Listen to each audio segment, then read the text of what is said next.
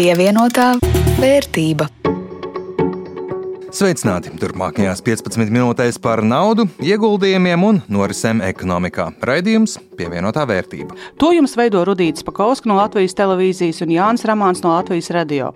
Šodien par mūsdienu problēmām un nākotnes iespējām, jeb iespējām tagad, ko ignorējot, mēs varam radīt pamatīgas nākotnes problēmas par sudraba ekonomiku. Tāds piņķerīgs, daudziem iespējams svešs un nedzirdēts temats, ko lūkosim apskatīt. Visiem saprotami un kā ierasts izvērtēsim arī kādu biržā tirgot uzņēmumu un vai vērts tajā ieguldīt. Pievienotā vērtība. Ja man būtu jābalso par aizvadītās šīs un nākamās nedēļas lielāko aktualitāti uzņēmējdarbībā un ekonomikā, es teiktu, ka tas ir 15. novembris. Gala termiņš, kad daudziem pamatā valsts un pašvaldību iestādēs strādājošajiem tikt pie vakcinācijas certifikāta. Jā, Saimē jau apstiprināja, ka darba devēji varēs nevakcinētos atlaist, ja trīs mēnešus pēc atstādināšanas vakcinācija tā arī nebūs veikta. Jāizmaksā kompensācija viena mēneša algas apmērā un viss brīvs kā putns gaisā.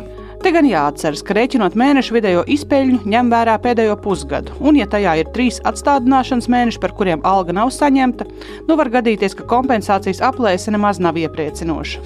Maz iepriecinoši, protams, arī pašiem uzņēmējiem un iestādēm, kuriem var nākties meklēt darbiniekus. Privātajam, ja darba specifika atļauj strādāt attālināti, būs iespēja atalgot nevakcinētos, bet ar maz āķītis vakcinētajiem Covid darba nespējas lapas jau no pirmās dienas, bet nevakcinētajiem pirmās desmit slimošanas dienas būs jāapmaksā darba devējiem. Un tad, nu, uzņēmējiem jālemj, kas izdevīgāk un viņam labāk. Un vēl man šķiet, ja ne pirmais, tad tiešām rēts gadījums Latvijā. Augstākā tiesa negrozīs spriedumu, ar kuriem četriem pasažieru vilcienu valdes locekļiem ne tikai soda naudas, bet arī solidāri. Tas ir visiem kopā jāatmaksā arī kaitējuma kompensācija par mantisko zaudējumu - pusotras miljonus eiro. Savukārt pasaulē problēma problēmas galā ar piegādes ķēdēm Covid radītās problēmas no nevienmērīga pieprasījuma līdz slimojošiem ostu darbiniekiem nu sāpīgi trāpa ne tikai ražotājiem, bet tik vienam. Ja jautājums vēl būtu tikai par cenu, bet bieži vien atbild ir vajadzīgos materiālus par jebkādu cenu vienkārši nav iespējams piegādāt. Tas visticamāk nozīmē, ka Ziemassvētku dāvanas pasūtīt jau ir par vēlu.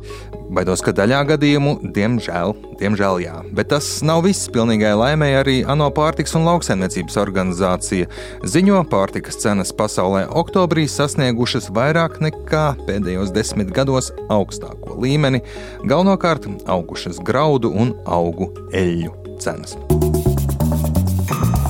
Pievienotā vērtība. Izdzirdot vārdu savienojumu sudraba ekonomika. Rudīt, kādas ir tavas pirmās asociācijas?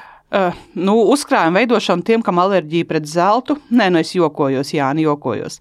Tā kā pavisam nesen sevi ieraudzīju vēl pāris sirmus matus, tad par mata tiesu arī tuvojos sudraba ekonomikai. Nu, tāpat kā mēs visi. Virziens diezgan precīzs. Gluži kā tagad dzirdam zaļo kursu, visticamāk, aizvien biežāk dzirdēsim arī šo uh, terminu, vismaz es tā ceru - sudraba ekonomika. Ar to saprot tādu tautsēmniecības veidu, kurš ir atvērts un pieejams cilvēkiem, kas vecāki par 60 gadiem, un ir diezgan nepārprotams skaidrs, ka Eiropa noveco. Un pēc gadiem 30. 35% iedzīvotāji būs vecāki par 60 gadiem, un līdz ar to pieaugs pieprasījums pēc precēm un pakalpojumiem tieši senioru vajadzībām. Tā teikt, būs tirgu pieprasījums, radīsies arī piedāvājums, tur nav liela bēda, bet tie nav vienīgie izaicinājumi. Līdz šim makroekonomiski uz sabiedrības novecošanu raudzījās kā kaut ko nevēlamu un negatīvu. Silver economy, population aging, it is a big problem. Sudraba ekonomika, sabiedrības novecošana ir milzīga problēma, ja mēs valsti uztveram kā lielu fabriku, kuras mērķis ir pēc iespējas vairāk saražot, izspiest maksimumu no iekšzemes koprodukta. Indivīdi vienkārši ir skrūvītes, ražošanas detaļas, kuras ar laiku nolietojas. Tā kā saražot pēc iespējas vairāk IKP ir svarīgāk nekā parūpēties par iekārtām, tad cilvēks var norakstīt ap 65 gadiem vai pat nedaudz ātrāk. Bet, jo lielāka ir norakstīto cilvēku daļa, jo vairāk 65 plus cilvēku, jo lēnāka IKP izaugsme. Un tā ir problēma. Šādi galvenos izaicinājumus skaidro Latvijas bankas eksperts Oļegs Krasnapjorovs Rīgas Tehniskās universitātes rīkotā starptautiskā konferencē veltītai šai tēmai, vienlaikus aicinot uz sabiedrības novecošanu paraudzīties, kā uz iespēju, kurā visu nemēra tikai pēc saražotā apjoma, bet arī cilvēka dzīves ilgumam ir vērtība. Today's new view that uh, silver economy Šodienas jaunais skatījums ir, ka sudraba ekonomika piedāvā jaunas pašrealizācijas iespējas, ja uzskatām, ka IKP izaugsme kalpo cilvēkiem, nevis otrādi. Saražotās preču izlaides skaitļi, eksporta konkurētspēja un pārējie - tie visi ir tikai rīki labākai dzīves kvalitātei un veselīga, ilgmūžīga dzīve pati par sevi ir unikāla vērtība, pat ja tā nenodrošina IKP pieaugumu. Šādā izpratnē Latvijas un Eiropas kopumā sudraba ekonomikas attīstība ir pašā sākuma posmā, un līdz ar to visas iespējas, nekas nav zaudēts. Eksperti prāt valstīm jau tagad jāsāk domāt par piemērotas vidas radīšanu, kur veicina vecāku cilvēku veiksmīgāku iekļaušanos darba tirgū, mūža izglītību un sociālo aktivitāti, lai vecāki cilvēki varētu paši par sevi parūpēties, ilgāk strādātu, saglabātu labu veselību ilgāk un kļūtu par atbalstu savām ģimenēm, nevis par nastu tām un visai sabiedrībai kopumā. Šobrīd gan bieži sudraba ekonomiku saprot visai vienpusēji ir jāveicina tas, lai cilvēki pēc iespējas ilgāk turpinātu strādāt. Piemēram, ceļot pensionēšanās vecumu, un tās fabrikas skrūvītes izspiežot šādā veidā līdz pēdējiem. Ja to kļūdaini ņem kā vienīgo atskaites punktu, tad droši, sarkastisku seju, var teikt, ka Latvija jau tagad ir diezgan ideāla sudraba ekonomika. Our country, Latvia, Mūsu valstī, Latvijā, šajā vecuma grupā 65, plus, ir viens no augstākajiem nodarbinātības līmeņiem Eiropā. Bet vai tas nozīmē, ka esam jau gatavi sudraba ekonomikai? Lai uz to atbildētu, ir ļoti svarīgi saprast, kāpēc tik daudz. Un ir divi varianti.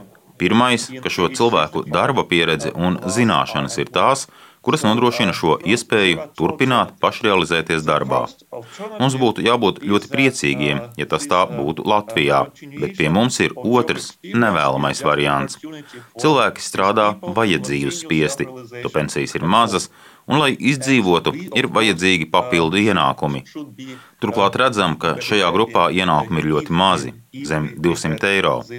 Ja jaunāki cilvēki, aptuveni 5% pelna zem 200 eiro mēnesī, tad starp senioriem šīs īpatsvars ir trīs reizes lielāks - 15%.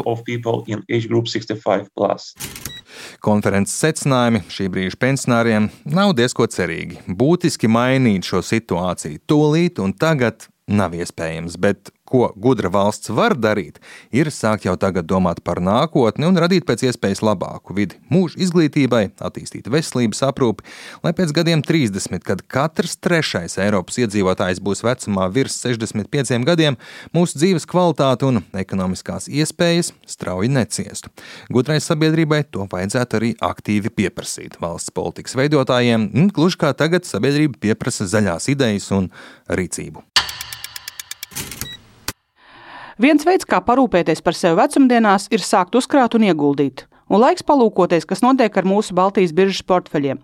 Aizvadītajā nedēļā kritums biržā reģistrēts tikai Rīgā, liecina biržas informācija. OMX Rīga indeks samazinājās par pusprocentu. Viļņā kāpums par 1,45%, savukārt Tallinas biržas indeks augšu par veseliem 3%. Man ieguldījumi, kur galvenokārt uz Igauniju tendēt, līdz ar to izskatās nu, visai labi. Kāpums par kriptiņu šķiet pilnīgi visās pozīcijās, pat ieguldījums Tallinka akcijās sāk rapties ārā no mīnusiem, un kopējā portfeļa vērtība mazliet virs 500 eiro un plus 68 8% kopš eksperimenta sākuma. Tev? Mana portfeļa vērtība šobrīd ir 425,99 eiro. Tātad 42% pieaugums no ieguldītajiem 300 eiro. Visi uzņēmumi plusā un cerīgi raugos nākotnē. Dārgumiņi, saņemsimies, apsteigsim Jāni. Bet kā ierasts, turpinām izpētīt arī Baltijas biržās esošos uzņēmumus, un starp daudzajiem jaunpienācējiem tāds mazāks un klusāks ir Igaunijas tehnoloģija uzņēmums Bertsman Technologies, kas izstrādā tehnoloģiskos produktus satiksmes drošībai un mobilitātei. Uzņēmuma akcijas sākotnējais publiskais piedāvājums notika šovasar jūlijā, bija orientēts uz Igaunijas rezidentiem, jo piesaistāmais kapitāls bija salīdzinoši neliels par to, kā uzņēmumam veicas biržā. Plašāk dzirdēsim Lindas Zalānas veidotajā ierakstā. Bergman tehnoloģijas mājvieta ir Igaunijā, Tartu. Uzņēmums izstrādā tehnoloģiskos produktus satiksmes drošībai un mobilitātei, piemēram, gudro gājēju pārēju, kas ar sensoru palīdzību spēj konstatēt gājējus pārējas tūmā. Šāda tipa uzņēmumi, kas darbojas mākslīgā intelekta pielietošanā transporta jomā, Baltijā ir maz. Piemēram, Latvijā šajā specifiskajā nišā strādā Sija Klentečs Services. Tā valdes loceklis Juris Pūce stāsta, stāsta, ka Bergman tehnoloģijas ir viens no zināmākajiem konkurentiem. Viņš uzsver, ka mākslīgā intelekta potenciāls transporta un loģistikas nozarē ir liels, bet sarežģītāk ir ar šo potenciālu komercializēšanu. Respektīvi, ļoti daudz ko izdarīt visādām atvērtākām tehnoloģijām. Kurām nav nepieciešams būvēt specifisks produkts vai tam līdzīgas lietas. Un otrs, protams, tas, ka nu, tas ceļš no tā ražotāja līdz patērētājiem sanāk diezgan garš komunicēt ar kaut kādām pašvaldībām vai ceļiem vai tam līdzīgām organizācijām, kas kaut ko tādu pērk. Tas klients ir parasti diezgan sarežģīts ar visādām specifiskām procedūrām. Bieži vien tā ir daļa no milzīgiem projektiem, nu, kas jārealizē zem kāda no, nezinu, no kas te nebūtu ceļu būvnieki vai tam līdzīgi. Tā kā lielie kompleksi uzņēmumi. Tāpēc tas, tas ceļš nav diezgan garš. Pūce teica, ka paša pamatprodukta izmaksas mākslīgā intelekta jomā prasa patstāvīgus uzlabojumus un izdevumus. Tas, ka jaunu uzņēmumi startē biržā, Baltijā nav tik ierasta prakse. Īstenībā arī globāli parasti tā, ka jaunu uzņēmumu pirmo soli bieži vien iet caur visādiem šiem eņģeļu investoriem vai kaut kāda veida startup fondiem vai kaut ko tam līdzīgu. Pie biržas pieeja nav gluži pat tipiskākā, bet tas, protams, arī saprotu, šobrīd birža mēģina kļūt ar vien pieejamāku, un šo vairāk līmeņu saraksta viss pārējais. Šāds iespējas arī papildus parādās. Jā, un tas arguments ir diezgan vienkāršs. Tas, ka tas šāda veida bizness ir diezgan kapitāla intensīvs. Nu, tas nozīmē to, ka izdevumi ir uzreiz un ienākumi ir diezgan vēlāk. Un to, to droši vien redzēt arī, ja skatās arī viņu finanšu pārskats. Nu, šobrīd, respektīvi, viņiem faktiski pirmie ienākumi tika tieši pēdējā kvartālā šī gadā. Stāvot ienākumi tikpat kā nekāda tur nav. Uzkrājumu un ieguldījumu eksperts Kaspars Pēcinieks akcentē, ka akciju kotēšana biržā ir viens no labākajiem veidiem, kā piesaistīt riska kapitālu tieši straujas attīstības posmā, jo kamēr nav stabili finanšu rādītāji, uzņēmumam bankas aizdevumu piesaistīt ir grūti. Bet kā Bergman tehnoloģijas veicies pirmajos mēnešos biržā? Ja skatītos tikai uz eh, šī brīža pieejamo cenas vēsturi, tad uh, varētu likties, ka kopš IPO brīža nu, tas sniegums nav bijis pārāk labs, ir mīnus 4%. Tomēr jāņem vērā to, ka, ja mēs raugāmies uz biržas datiem, tad tur mēs redzam tikai cenas, par kurām darījumi tur ir notikuši. Bet IPO cena bija krietni zemāka, tā bija 3,4 eiro, savukārt šī brīža cena 8,60. Tas nozīmē to, ka, ja izdevās piedalīties IPO, tad pieaugums kopš tā brīža ir 153%, kas, protams, ir vērtējums kā ļoti labs pieaugums. Jāatzīmē, ka IPO bija ļoti maz pēc izmēra. Kopējais piesaistāmais kapitāls bija tikai 816 tūkstoši eiro un attiecīgi arī bija domāts tikai Igaunijas rezidentiem. Eksperts uzsver, ka Bergman tehnoloģijas gadījumā nav vērts runāt par finanšu rādītājiem, jo uzņēmums vēl ir attīstības stadijā un tas neģenerē vērā ņemams ienākumus.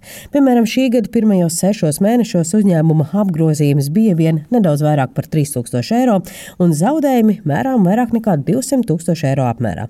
Tomēr uzņēmums savās nākotnes prognozēs ir optimistisks. Nākamgad varētu būt jau līdz pat 100 tūkstošiem eiro peļņa, 23. gadā 212 tūkstoši, 24. gadā jau 915 tūkstoši. Un, ja mēs skatītos uz, uz 3 vai 4 gadu tālu nākotni, tad cenas un peļņas attiecība varētu būt pat 11, nu, ko jau varētu vērtēt kā pievilcīgu. Nu, tomēr e, šeit ir liels bet, tas, ka tās ir e, prognozes, un jautājums, vai šīs prognozes izdosies e, sasniegt. Uz šo jautājumu atbildi jāmeklē katram investoram pašam. Kopumā teikt, ka Bergman Technologies ir eh, interesants jāuzņēmums ar eh, pievilcīgu produktu, tomēr man tā akcijas šobrīd nešķiet pievilcīgas. Šobrīd visu uzņēmumu vērtība tiek balstīta uz eh, cerībām izdoties sasniegt organizētos rezultātus, un man tomēr prasītos ilgāku laiku paskatot uzņēmumu un ieraudzīt, ka uzņēmums ir uz nospraustu mērķu sasniegšanas ceļa. Pēc pēcinieka domām būtu vērts atgriezties pie uzņēmuma izvērtēšanas pēc pusgada vai gada. Linda Zalāne, Latvijas radio.